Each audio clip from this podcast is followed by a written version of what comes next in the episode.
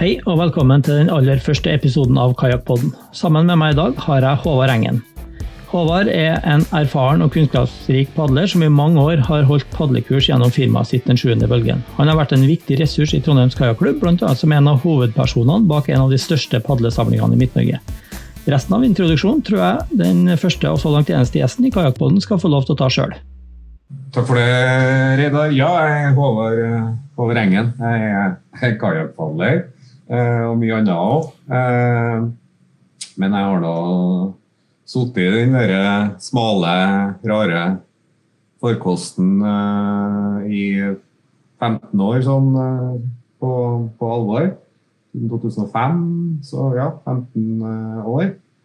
Eh, til å begynne med så var det bare en, en turgreie. Det var jo, jeg var jo friluftsmenneske så det holdt før det her òg. Så da ble jo bare kajakk enda en måte å drive friluftsliv på. Og så, og så ble jeg hekta da, gjennom noen fantastiske turer eh, allerede den første sommeren i 2005. Så fikk vi ei drømmeuke på Helgeland, 30 stykker, og vi gjorde mye rart og mye, mye som jeg i ettertid kan si spørsmålstegn med sånn sikkerhetsmessig. Vi var ikke superkompetente, men uh, vi var heldige med været, og vi fikk fantastiske opplevelser. Og, og der var vel Jeg var vel solgt, da, rett og slett. Etter, etter den uka der med tropenetter og blikkstilt sjø og, og nesten i hvert fall midnattssol på Helgeland ut mot Træna og alt det der. Så, og så begynte man å tenke da på at man kanskje skulle ta noen kurs og sånne ting. Og så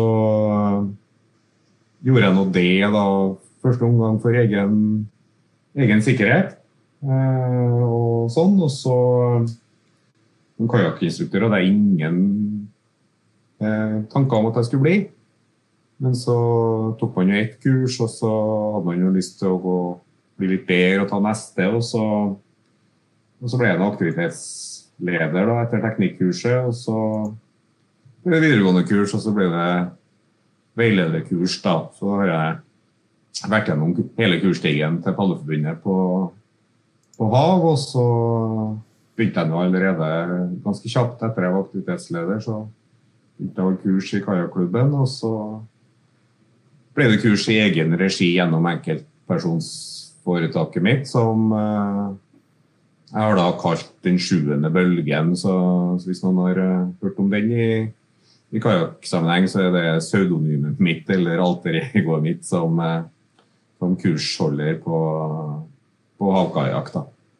Så, så, så, dermed så har kajakk blitt ganske mye forskjellig for meg, og, mye som er viktig for meg. Det, det er både en, en tur Eh, natur en måte å ta seg frem på i naturen som, eh, som overgår veldig mye annet. Fordi du, du er så der på så naturens premisser, eh, bortsett fra plastikken i kajakken og sånne ting. Så er du i hvert fall lydløs og sporløs og sånne ting. Så den, og Det var der det begynte, som jeg nevnte i sted. Og den er der fortsatt. Men så har det også Ja, det har jo blitt en en arena for å ta med andre på, både på tur og ikke minst på kurs. da. Eh, og så har det blitt næringsvei for meg òg. Eh, det blir aldri stort nok til at jeg kan eh, leve bare på det her. Sesongen er kort, og jeg kan ikke holde kurs hver helg osv. Men det, det, er ikke, det er ikke eneste kursene du driver og holder heller på i kajakk? Det, det, er det du driver med ellers òg?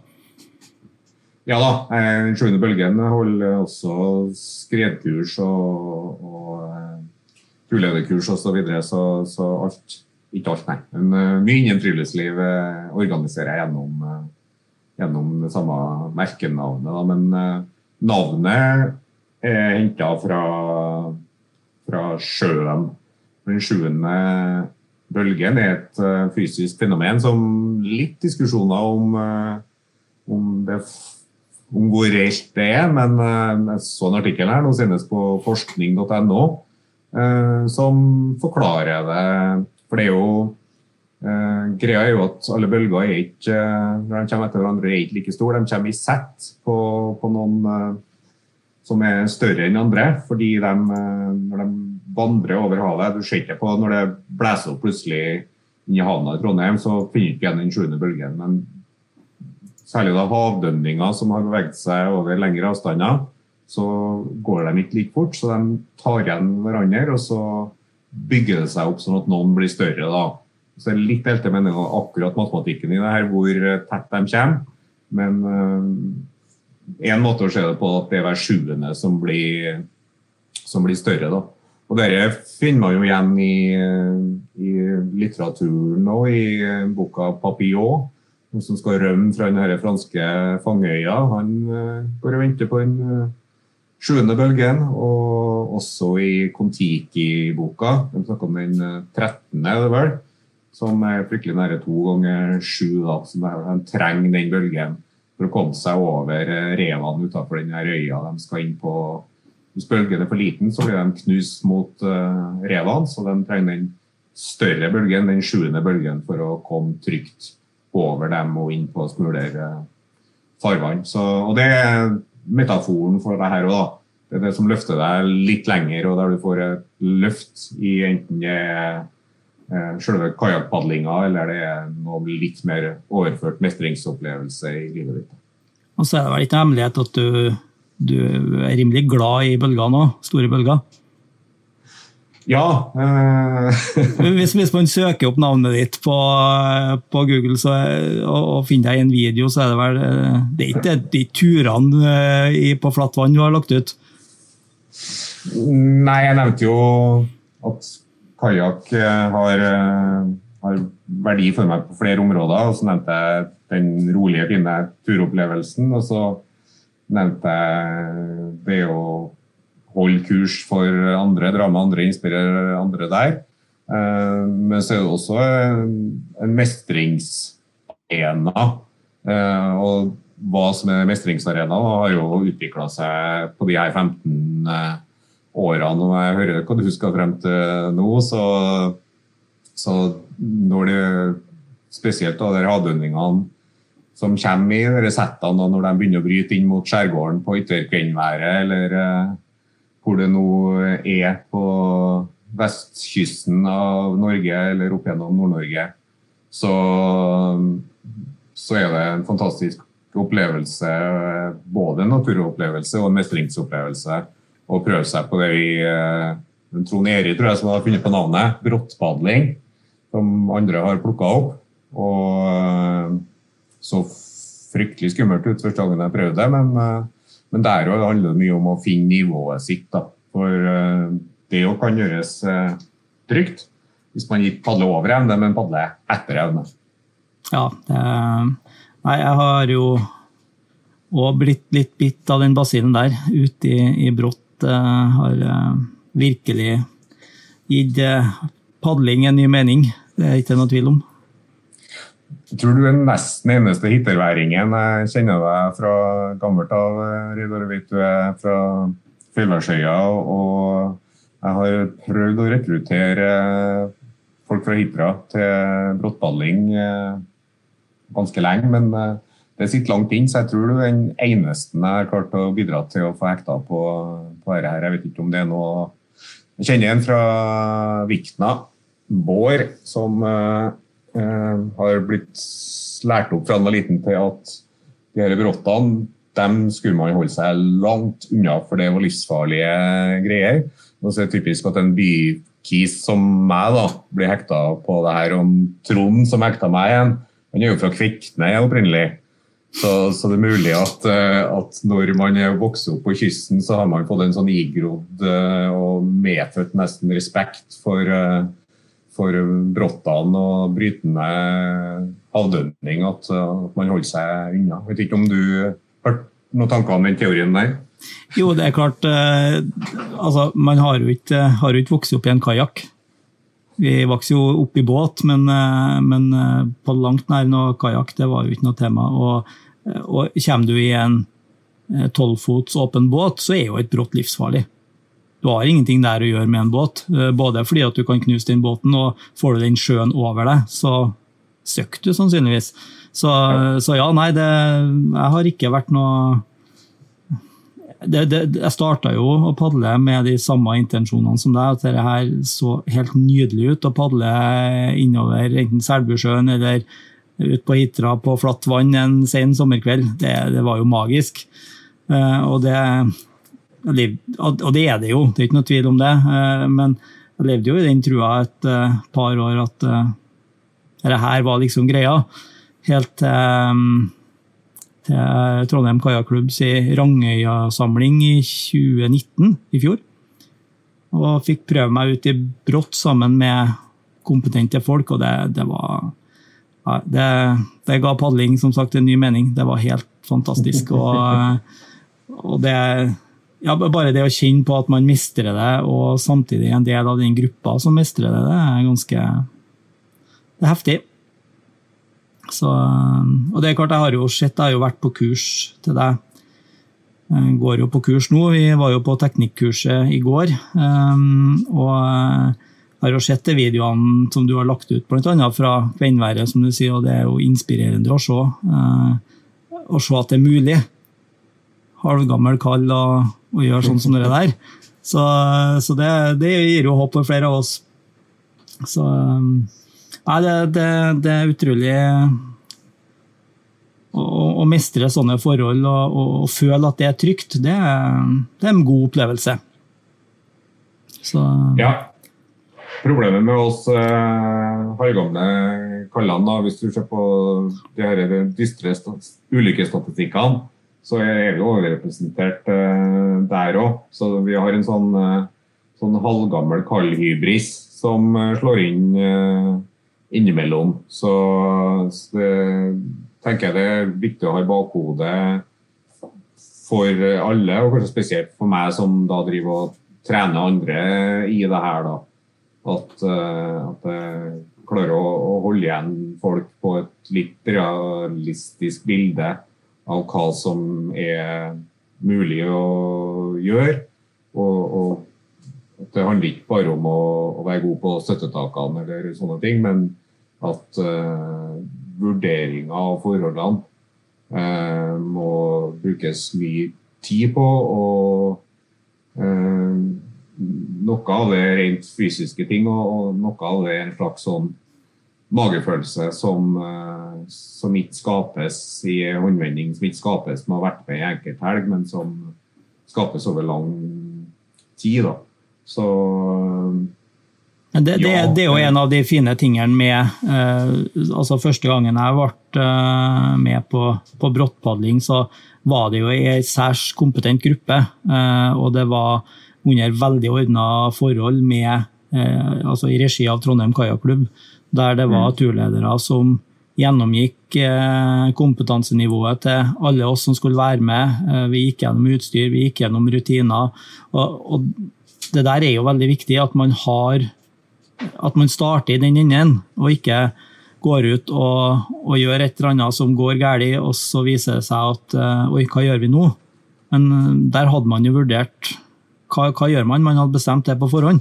Og sånne ting er jo Og det, det vet jeg jo at du er, er ganske ivrig på òg. Og, og, det jo, bringer meg jo egentlig litt over på, på, det jeg tenkte vi skulle prate en del om i dag. Det var jo det der med sikkerhet når du er ute i kajakken.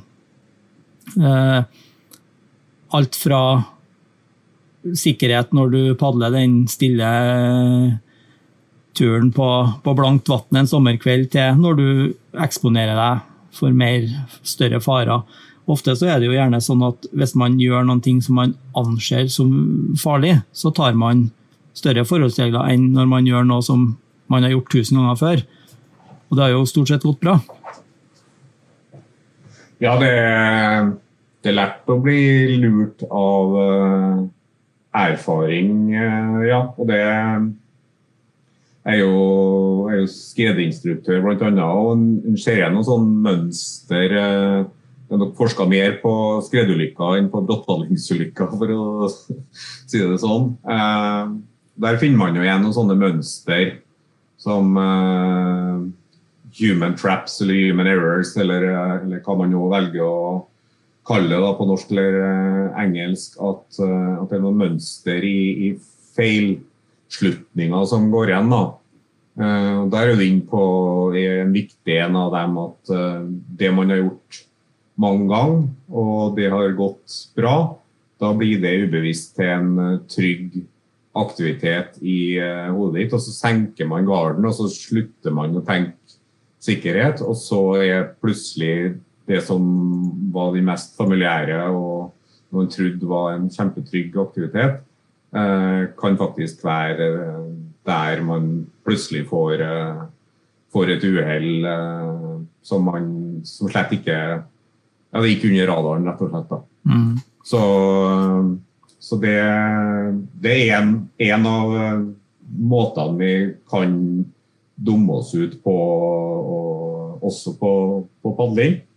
Eh, jeg har snart vært så mange ganger på padla ut forbi Skårøya på Kvinnevær utover nå at, at, det er lett å begynne å senke skuldrene, men, eh, men eh, Nei, det er når forholdene er store, så, så må jeg være minst like aktpågivende og påskrudd som jeg var første gangen jeg gjorde, gjorde det der for en del år siden. Så ja. Nei, jeg, så, mange, ja.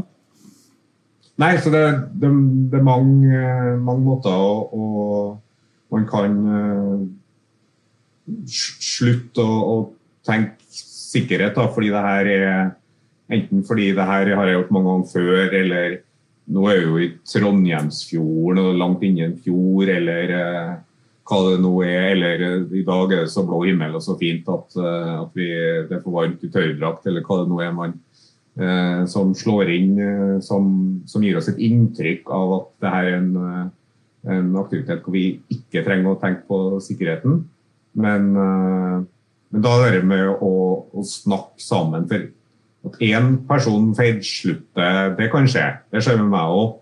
Men hvis, eh, hvis vi deler tanker og tør å være kritisk med hverandre eh, på dette her, så tenker jeg at det er en av medisinene mot uh, de her uh, feilslutningene våre som kan bringe oss ut i en farlig situasjon. Enten det er på ski, eller det er på sykkel, eller det er på kajakk, eller hva det nå er Ja. Jeg kikka fort på, på statistikken over, over drukninger de siste årene.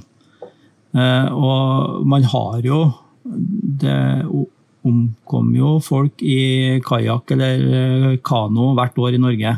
Én eller to personer har vært de siste eh, årene.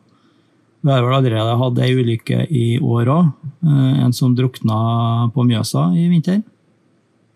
Det kan nok stemme. Så, så, men sånn ja, Statistikken sa vel òg at det er solgt uh, såpass mye kajakker i Norge at uh, man anslår det til å være mellom 200 000 og 250 000 kajakker i landet.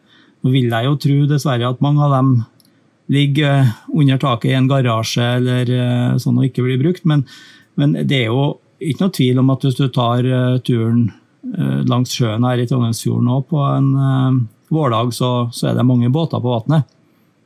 Så, så, det er ganske høy aktivitet. Så det er klart, prosentvis så er det ikke så mye som går uh, så alvorlig at noen dør av det. da. Nei, det er heldigvis uh, sjelden, men som du sier, det er statistisk så er det noen, noen hvert år. og hvis du ser på kjønn og alder, så så du er på vei inn i høyrisikogruppa, og jeg er der for lengst. Ja, Det er nok eh, ikke minst eh, innenfor sånt, men det er vel ganske mye annet man havner i risikogruppa for etter hvert. Men, eh, men, du driver jo og kjører, kjører kurs for ja, du, du, tar jo hele den padlestigen til, mm, til Våttkortstigen, heter den vel kanskje, til Padleforbundet? Ja, det vil si nivå 1, 2 og 3 holder jeg jo i egen regi, eller gjennom Trondheim Kajaklubb eller en annen klubb. Nivå 1, 2 og 3, Men, da snakker vi Da er det grunnkurset. da Jeg hopper glatt. Jeg glemmer som regel introkurset. Ja, det jeg regner med. eh, For det Ja, det et in introkurs som bare er en sånn uh, sette seg i kajakken og, og padle litt, egentlig ikke det? Det er en tretimers uh, så Den har nok sin verdi for å inspirere.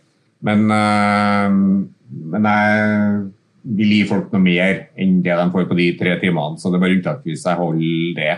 Jeg holder grunnkurs, som jeg da kaller trinn 1. Og så holder jeg teknikkurs, sånn som vi begynte på i går, eh, som trinn 2. Og så er det aktivitetslederkurs som trinn 3. Da, er allerede, da kan du begynne å holde grunnkurs allerede sjøl når du er ferdig med trinn 3. Og så har du trinn 4, som er videregående kurs, og trinn 5, som er veilederkurs. Men, eh, så jeg har vært med og holdt trinn 4 òg, videregående kurs. Eh, men dem er det Padleforbundet sjøl som eh, arrangerer. Så de kan verken Trondheim Kajakklubb eller Den sjuende bølgen kan ikke bestemme seg plutselig for å holde et, eh, holde et videregående kurs. Men, eh, men det finnes ikke noe det finnes ikke høyere sertifisering enn enn veiledning, så, enn veileder. Så Nei. det er fremdeles veiledere som utdanner veiledere på trinn 5. For å si det. sånn. Da snakker vi eh, kurs som, som går over lengre tid og har ganske omfattende innhold. Men eh, på et typisk eh, grunnkurs, da, hva, hva vil en som nettopp har kjøpt seg en kajakk og har skjønt at, eh, at en vil lære litt på litt teknikk og litt sikkerhet, hva, hva vil en få ved, ved å ta et grunnkurs til sjuende bølgen? Ja, Du nevnte jo to kjempeviktige stikkord eh, der. da, Teknikk og sikkerhet. Eh, Jeg pleier jo å si og skrive at, eh, at det er på en måte tre, tre stolper i grunnkurset. Eh, Det ene er padleteknikk i vid forstand. Alt, du gjør, alt du gjør med årene mens du sitter i, i kajakken. Og selv om det er et grunnkurs, så får du med deg, du får med deg mye eh, til å, å kunne håndtere kajakken under eh, relativt greie forhold. Da. Men eh, av og til så vi styrer jo ikke værmeldinga, så vi tilpasser Vi kan jo ha flytta mye kurs geografisk, men har knapt eh, ikke engang har eh, avlyst uh, pga. værforholdene, men jeg har, har gjort om på det. da. Men eh, ja, du får de viktigste padletakene og støttetakene og sånn innenfor eh, det ene tredjedelen som kalles eh, padleteknikk. da.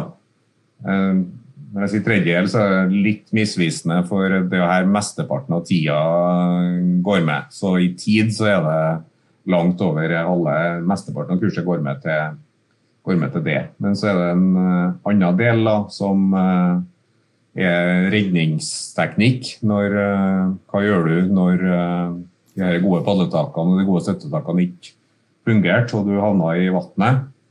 For at det å havne i vannet er en del av eh, gamet. Og du må ut i vannet av to gode grunner. For det første må du lære deg å komme deg opp igjen, fordi det her kan skje på tur òg. Og alle mulige andre gode bortforklaringer for at man ikke trenger å trene på redning. Som at man eh, Nei, jeg skal bare padle langs land, f.eks. Jeg vet ikke om jeg har hørt den, eh, men jeg kjøper ikke den. For at du kan ikke bestemme deg for at du skal padle bare langs land. Du kan ha intensjoner om det, men du kan få fralandsvind som kan føre deg bort fra land. Og da hjelper ikke det. Da, da er det for langt å svømme til land, og du vil også bli ført bort fra land med, med vind. Og du kan få fralandsstrøm, enten det er strøm pga. tidevann, eller det er fordi du skal padle forbi utløpet på elv, f.eks. Skal padle forbi Nidelva, siden vi begge to sitter i Trondheim nå. Padle forbi utløpet der, utløpet der. Og så har du som redningsteknikk i anførselstegn. Det er radio eller podkast, ser ikke anførselstegnene mine nå.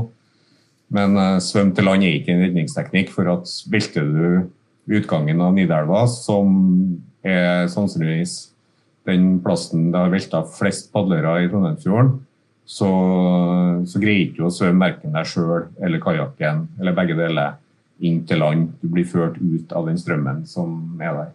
Så jo, man må faktisk trene på, på redning, både for å komme seg oppi, men man blir tryggere når man sitter i kajakken òg, når man har eh, øvd på redning. Da slipper man å bekymre seg på samme måten for å, for å dette uti. At man vet at man har trena på å komme seg opp igjen. Og Den tredje delen da er det vi kan kalle turplanlegging og vurdering av forhold og farvann. Eh, farvann er hvor du drar hen. Eh, om du er inni, innom Moloen i kanalen i Trondheim, eller om du er på vei ut til Munkholmen, eller om du er padler rundt Fjellbergsøya. Det, det, er farvann. Så farvann er viktig, og forhold er viktig. Så forhold er om det er vind og strøm og hvor kaldt det er og alt det der. Så forhold og farvann til sammen. Og så må du vurdere det opp mot det du behersker sjøl. Og det prøver vi å få inn den tankegangen der, da. Prøver vi å få inn allerede på et uh, grunnkurs. Skulle jeg gjerne slengt på i den sjuende bølgen, men det er jo det det er en mal fra Padleforbundet, så, så, jeg kan ikke det, det, er sånn alle tenker, og i hvert fall sånn alle skal tenke når de holder et NPF uh, grunnkurs. Så, og da, og da, snakker vi et kurs som spenner over 16 timer, gjerne fordelt ja. på Du bruker å fordele det på fire kvelder? Ja, det er to hoved... Uh, uh, modul, eller to måter å organisere det på. Enten så gjør man det på ei helg, med enten litt på fredag og så jevnt fordelt mellom lørdag og søndag, eller så bare lørdag og søndag, ca. åtte timer hver lørdag og søndag. da. Ellers så andre hovedmåten å tenke på er fire kvelder, ja. Enten to kvelder ei uke og to i nesten, eller jeg liker gjerne, i hvert fall på teknikkurs og sånn, så liker jeg å fordele utover enda flere uker, sånn at man uh, får uh, sjansen til å trene litt imellom. Men på et grunnkurs på kveld så, så pleier jeg som regel å ha to kvelder i uke og to kvelder neste uke. Mm. Det neste trinnet på stigen da blir teknikkurset etter grunnkurset. Ja. Hvor uh, anbefaler du at man tar det umiddelbart, eller bør man ha padla litt uh, etter man tok grunnkurset? Jeg registrerer at det er delte meninger mellom kursholdere der, men jeg er ikke i tvil om hva jeg mener. Uh, pleier å si det sånn at hvis du tar teknikkurset for kjapt etter grunnkurset, eh, så at du ikke har fått padla noe, altså lite eller eh, ingenting, så kan du risikere ikke nødt til å bli sånn, men du kan risikere at teknikkurset blir en litt sånn blir en dyr repetisjon av grunnkurset. Så, så hvis du har fått padla litt, eh, hvor mye kommer an på, kommer på folk? Eh, det, de vil variere. Men sånn at eh, hvis du på har gjort grunnkursinnholdet til ditt eget, uh, sånn at, at, du slipper å tenke så mye på hva som var hva der, men hvis det sitter litt i ryggmargen på deg, så vil du få mye mer igjen for å putte For at teknikkurset bygger ganske rett oppå grunnkurset.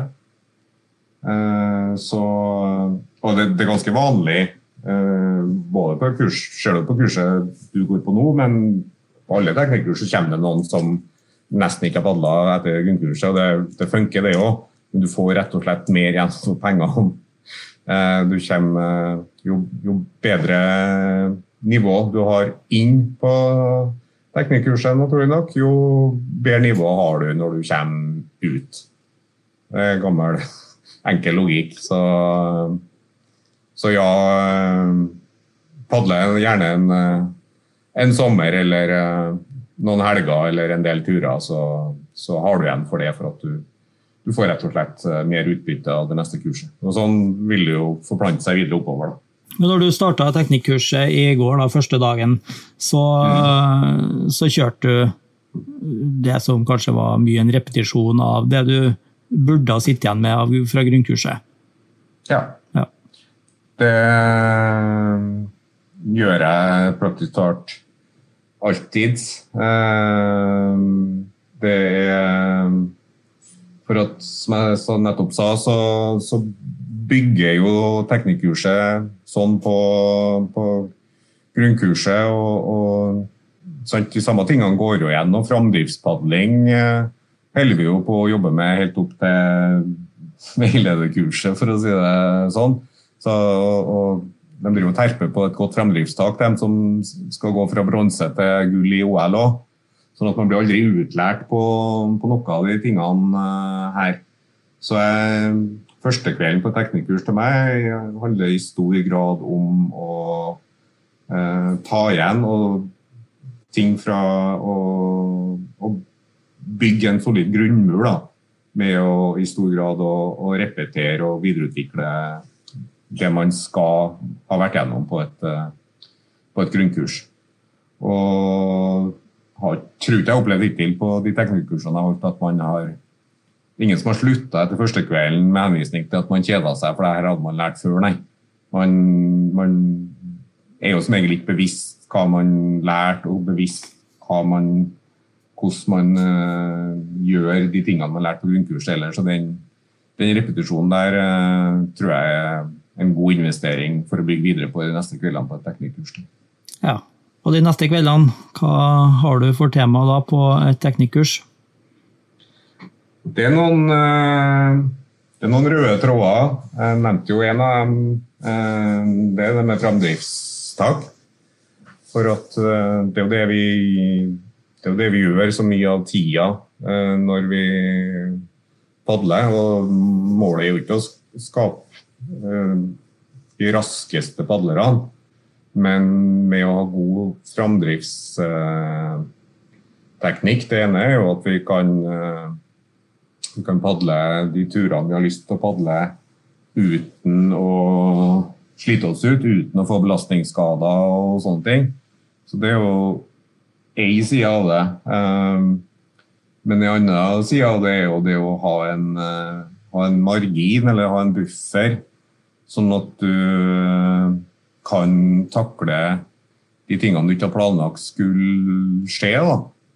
Det kan være mm, motvind.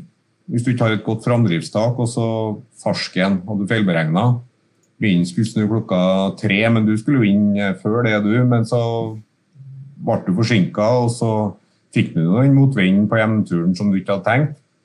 Og hvis du da har et godt eh, framdriftstak, så er du mye bedre rusta til da, da, kommer du deg hjem, rett og slett, i den motvinden. Eller om det er noe som skjer at du må, at du må taue eh, noen i, i følget ditt. Eh, og, og Hvis du har det i kombinasjon med motvind, så trenger du i hvert fall det lille ekstra på, på denne eh, teknikken. Det er flott med styrke og utholdenhet i tillegg òg, men eh, går, eh, det går raskere å trene inn en god teknikk bare her enn å trene opp uh, styrke i rygg og mage og lår og armer og skuldre for å bli tilsvarende mer stødig og solid som, som padler. Så ja, der, uh, det var én sånn rød tråd, og så er det med å kalle kontakt med, eller bli ett med kajakken, eller bli stødig i kajakken eller trygg i kajakken. Det er en annen sånn rød tråd som jeg prøver å dra gjennom teknikkurset. og Den starter for så vidt på grunnkurset, og den går videre i, hele veien opp i, i, gjennom de fem nivåene i kursstigen som vi var inne på i, i sted. Da. Og da, da, er det det med en tilpassa kajakk. Helst den, du helst kjøpe den rette kajakken til deg. da. Det finnes jo ikke én kajakk som passer til alle, men det er en bra start hvis du har en kajakk som er, som er passe stor, og, og der de som har konstruert den, skjønner noen ting om uh, menneskelig anatomi. det er ikke alle, som, som har studert det før de begynte å designe kajakker. Så. Uh, så både skjønner hvordan menneskekroppen uh, er, og hvilke bevegelser du skal gjøre i kajakken. Alt fra å sitte og padle rett frem, eh, til å ta lave og høye støttetak, og også da eh, f.eks. Eskimo-ruller. Eh, sånn at den eh, nærmest mulig ideelle kajakken tar høyde for, for alt det her. Men så går det ikke an å lage én ideell kajakk for, for alle. Det må Derfor, derfor man må ha flere kajakker, ikke det? Eh, med mindre kroppen din forfeller eh, hardt og brutalt etter du er 40 og endrer seg så mye, så, så trenger du ikke flere kajakker. Reidar, eh, med mindre du skal padle ulike padlegrener, selvfølgelig, så, så, er det jo kjekt med flere. Men, eh, men, poenget mitt var vel at hver person kan finne sin ideelle kajakk, men eh, det, det er ikke den du og broren din trenger ikke å ha den samme kajakken som passer best for dere. Eskimoruller, det er jo et, eh, et stikkord. Det, det, er jo, det, er jo, det første folk spør deg om hvis, du, eh, hvis de hører at du har kjøpt deg en kajakk eller du kommer med en kajakk på taket. Kan du, kan du rulle? Oh, ja. Det lærer du på teknikkurset. Ja, det, det artige er jo dem som kommer på grunnkurs, da, så ser du at de er dritnervøse, og så, og så spør de når, når, skal vi, når skal vi lære den der Eskimo-rulla? for, for noen er det det som er kajakkpadling, da. Um, og på teknikkurset så, så står det vel i beskrivelsen at det er en introduksjon til ruller. Eh, så jeg har aldri hatt eh, Jo da, jeg har hatt folk som har lært seg eh, ruller på teknikkurs, men erfaringsmessig så krever det De fleste trenger en god del tid. Og på teknikkurset så har vi 16 timer, og det er ganske mye som skal trenes. Sånn at vi, vi Noen trenger sikkert 16 timer for å, for å lære den. Um, og det har ikke vi tid til å sette av, sånn at eh, det blir en, en eller noen få som, som lærer det. Og så, er det en introduksjon til, til alle. da. Um, og så er det også en utfordring i det um, Sånn som nå, da, når vi er i, midt i mai og har hatt en relativt kald vår med rekordmengder med snø i både fjellet og marka her, eh, så er ikke sjøen veldig varm.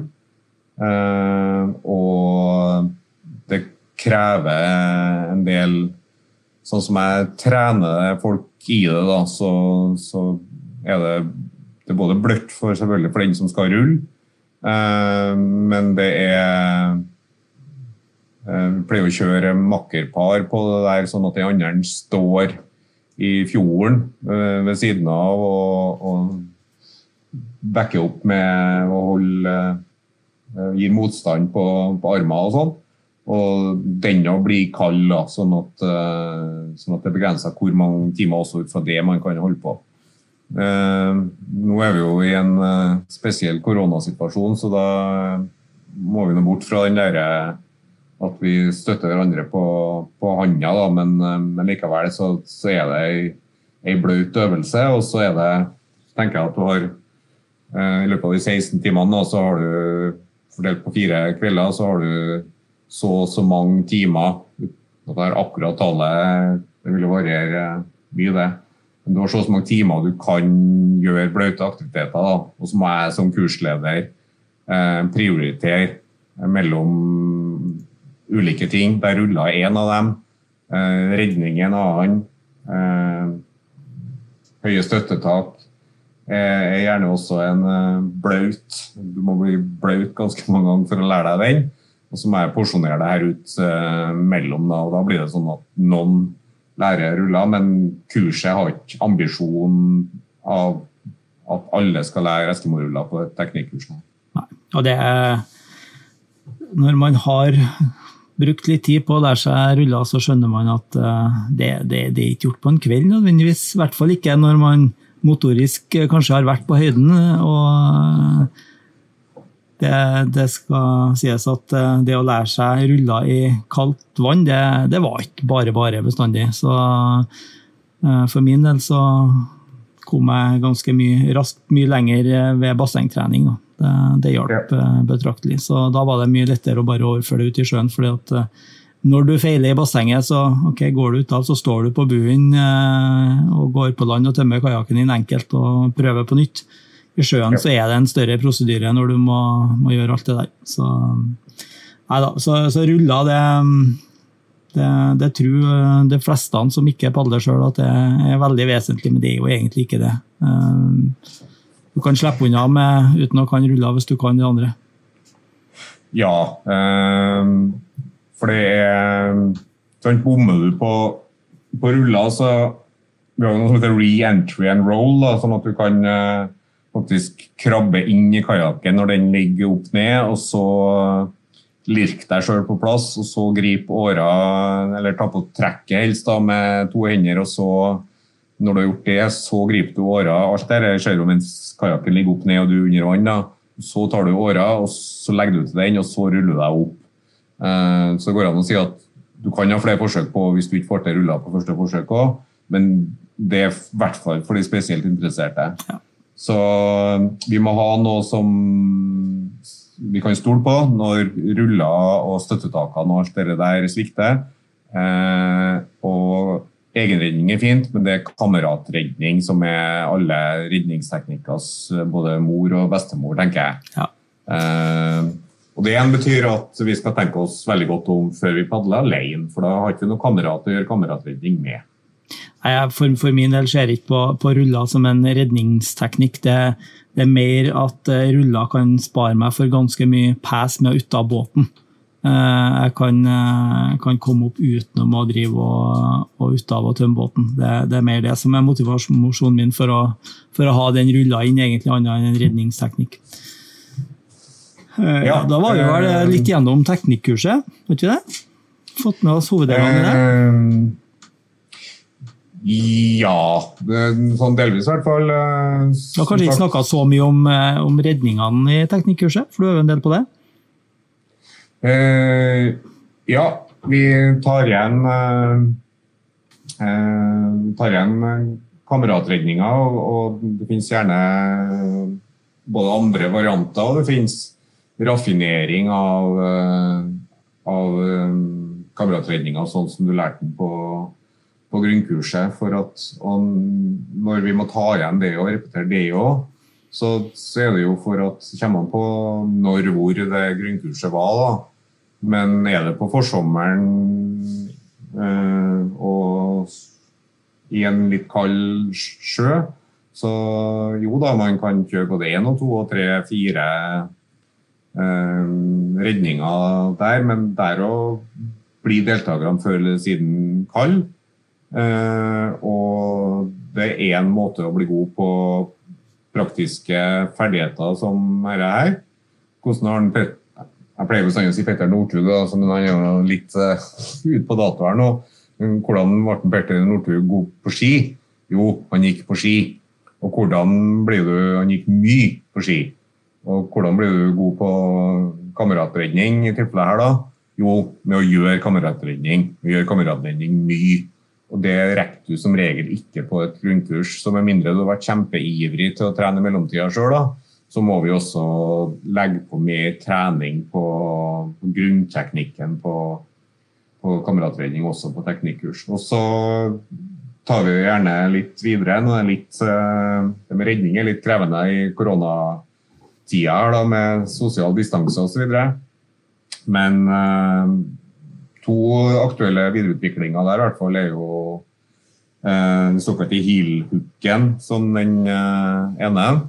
Rett og slett eh, for at det går, eh, det går fortere. Og tid er en eh, viktig og kritisk faktor for å få folk opp fra sjøen. Så det er en videreutvikling. For all del går an å gjøre det også på grunnkurs, men de fleste har ikke gjort det. Og så er også stigeredning f.eks. en eh, spennende variant som, eh, som, bare unntaksvis blir gått gjennom på grunnkurs, men som eh, en fin, fint alternativ. For, for der òg finnes ikke den ultimate redninga som, som alltid er den beste. Det finnes flere varianter av det her òg. Og jeg er på grunnkurs, så lærer jeg bort én måte å gjøre det på for at det ikke skal bli forvirrende og mye å forholde seg til. Men når man kommer på teknikkurs, så, så har man litt mer peiling, og så kan man begynne å se på at det er noen fordeler med den her. Eh, sånn at hvis vi er i sånn og sånn situasjon, så kan jeg kjøre en heelhook. Men hvis forholdene er sånn og sånn, så ja, da kan det kanskje være bedre med en stigeredning. da. Det der er jo ganske vanskelig å forklare detaljert på en podkast, men uh, den som vil se hva det der går ut på, bør jo bare ta et søk på YouTube, og så finner du videoer som viser, viser alt det der ganske ja. bra forklart. Ja. mm. Så da neste, hvis vi, vi tar en, et trinn til, da, som kan være aktuelt for, uh, for ganske mange, og det er jo aktivitetslederkurset. Ja. Hvem tenker du at det passer for? Eh, for det første så er det for alle som har eh, tatt teknikkurset da, og har eh, på et eller annet vis ambisjoner videre. For denne kursstigen til Norges Padleforbund er noen som syns den er litt, litt, rar akkurat på det her. Da, for at hvis du skal videre fra teknikkurset og bli flinkere, så, så, så må du også gjennom å bli kursleder, da, som du er som aktivitetsleder.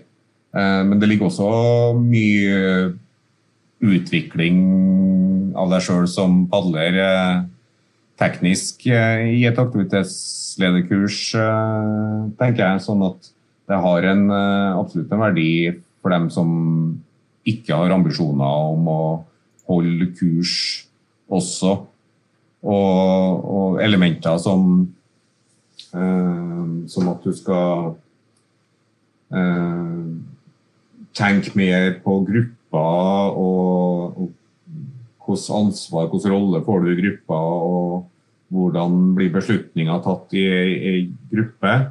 Eh, som da er ting som delvis er knytta til, til, det å være aktivitetsleder, kursleder, turleder, eh, tenker jeg er viktige elementer å tenke over, selv om du ikke definerer deg som verken kursleder eller turleder. Er du en del av en gruppe, så må den gruppa på et eller annet vis ha en form for ledelse. Om du ikke har en leder, så, så må det en eller annen ledelse til, og det må en eller annen form for beslutningstaking til sånn, sånn gruppe. Som elementer man toucher innom på et aktivitetslederkurs. Og som jeg begynte med å si, alle som, alle som vil utvikle seg som eh, padler individuelt og sammen med andre, eh, kan med fordel ta, ta aktivitetslederkurset.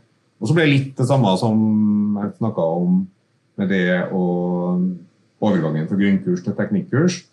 Du finner noe av det samme på neste overgangen nå, til aktivitetslederkurset. Jo bedre du har teknikkurset i ryggmargen, Eh, jo mer får du igjen for aktivitetslederkurset.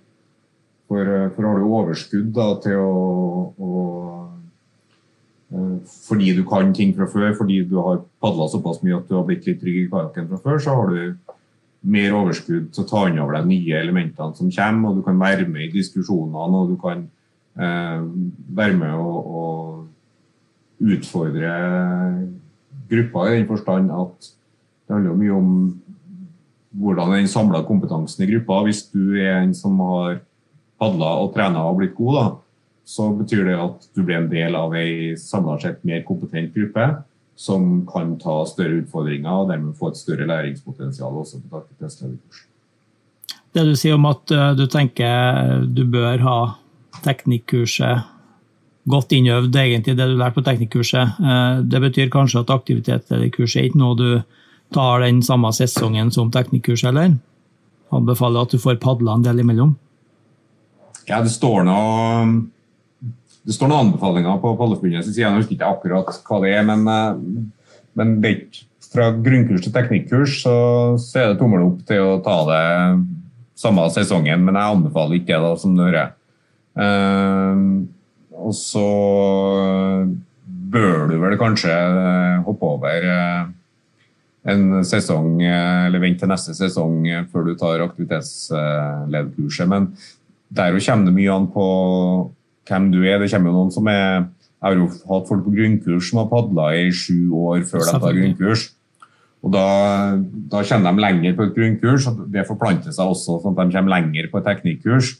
Mm. Så i sånne tilfeller så, så, tenker jeg da kan man hoppe ganske kjapt til, til neste kurset. Men både jo mer teknikken er på plass, og jo flere referanser du har på ulike ting som kan skje på padling, eh, jo mer har du å gjøre på et aktivitetslederkurs.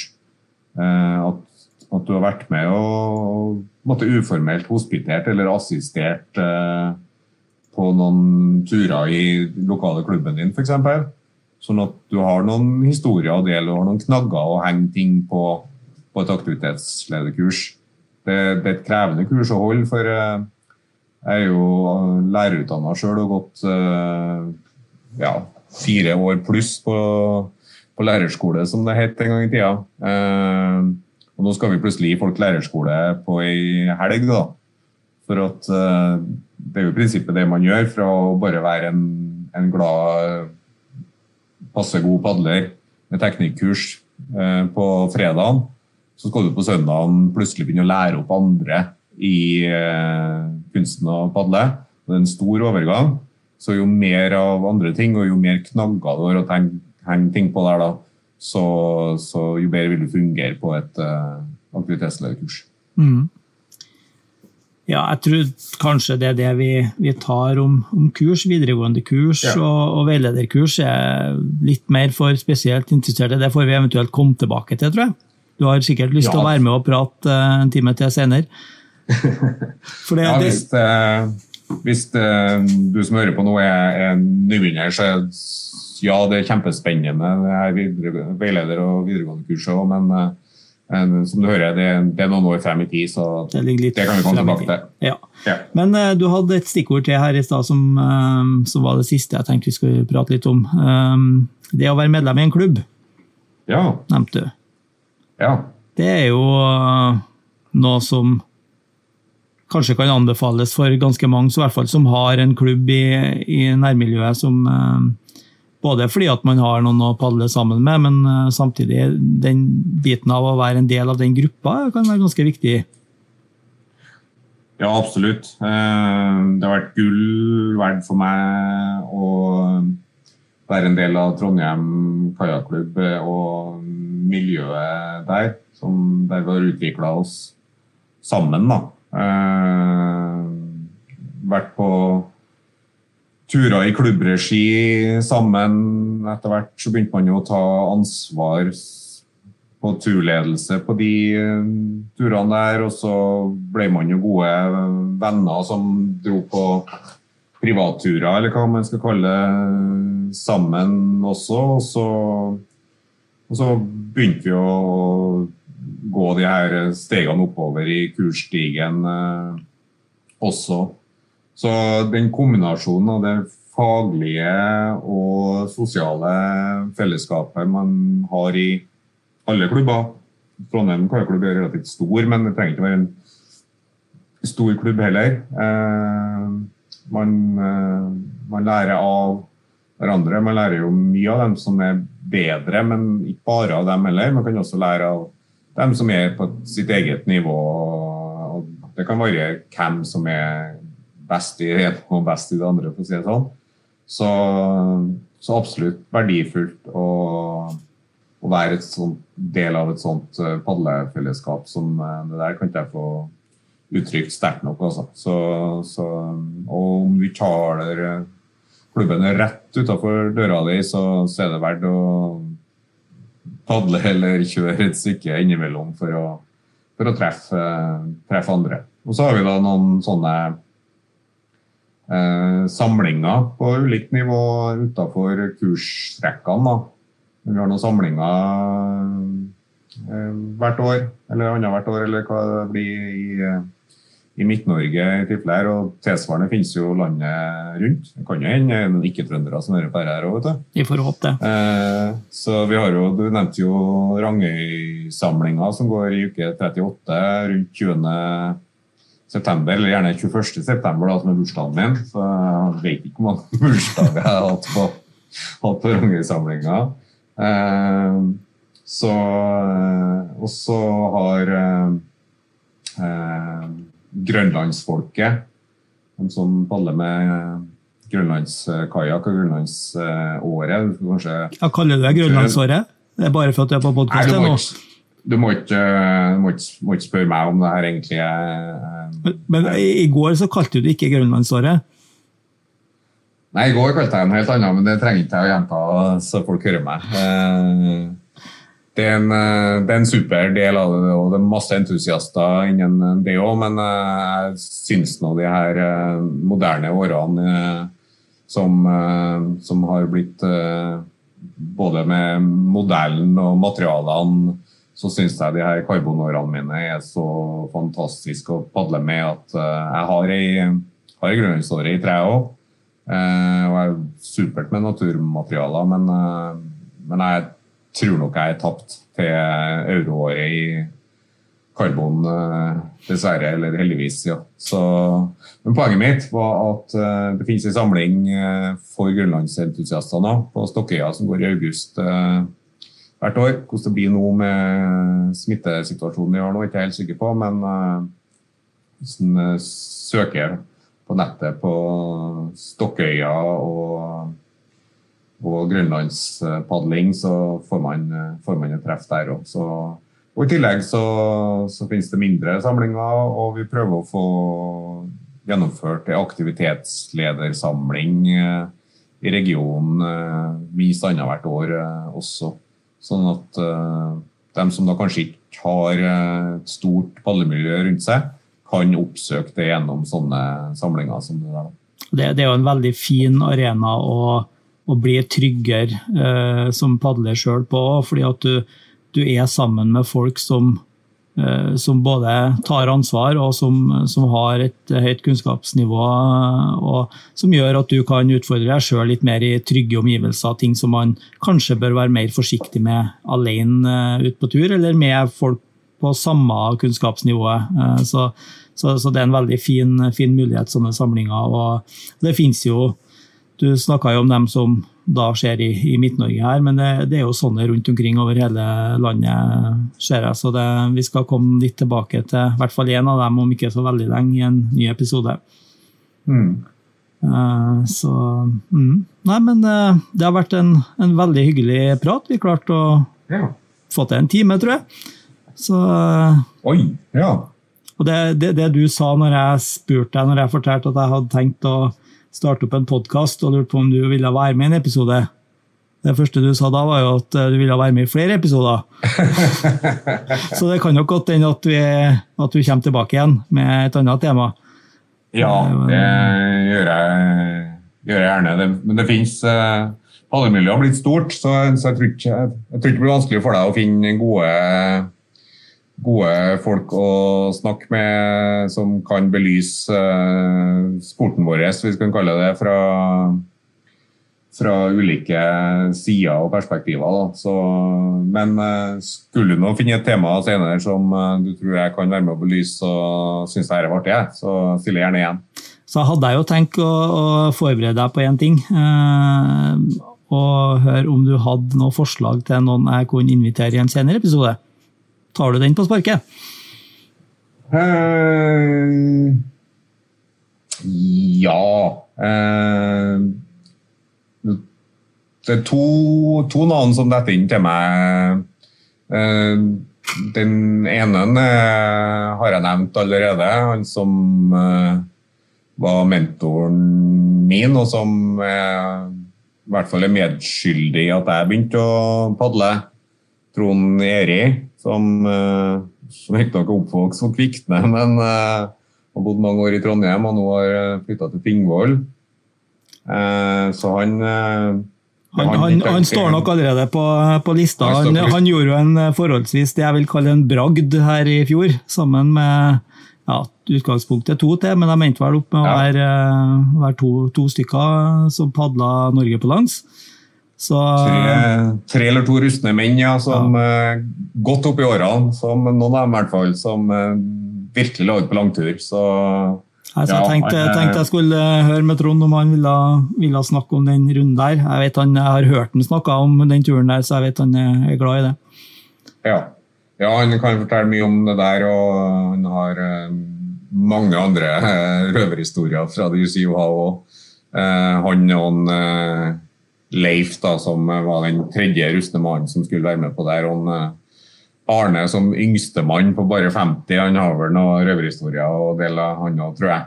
Eh, så, så der er noe, han, Trond har nå fungert som mentoren min på mange vis i det der. Og så etter hvert nå så begynner han å ha noen på samvittigheten som jeg kan si at jeg har vært med og både inspirert og lært opp, uh, jeg òg, da.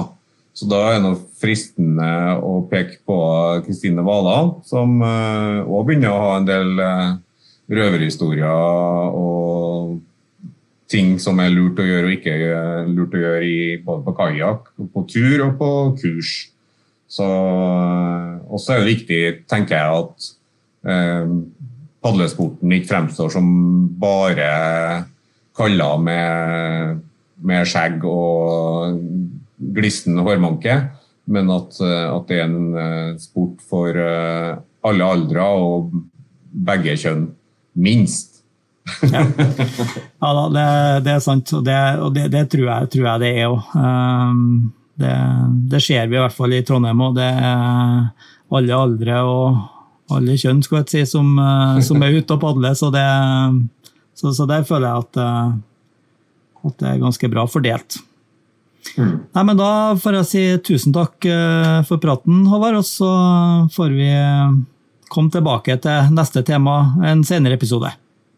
Det høres bra ut. Takk skal du ha. Sjøl takk. Ja, da var den aller første episoden av uh, Kajakkpodden unnagjort.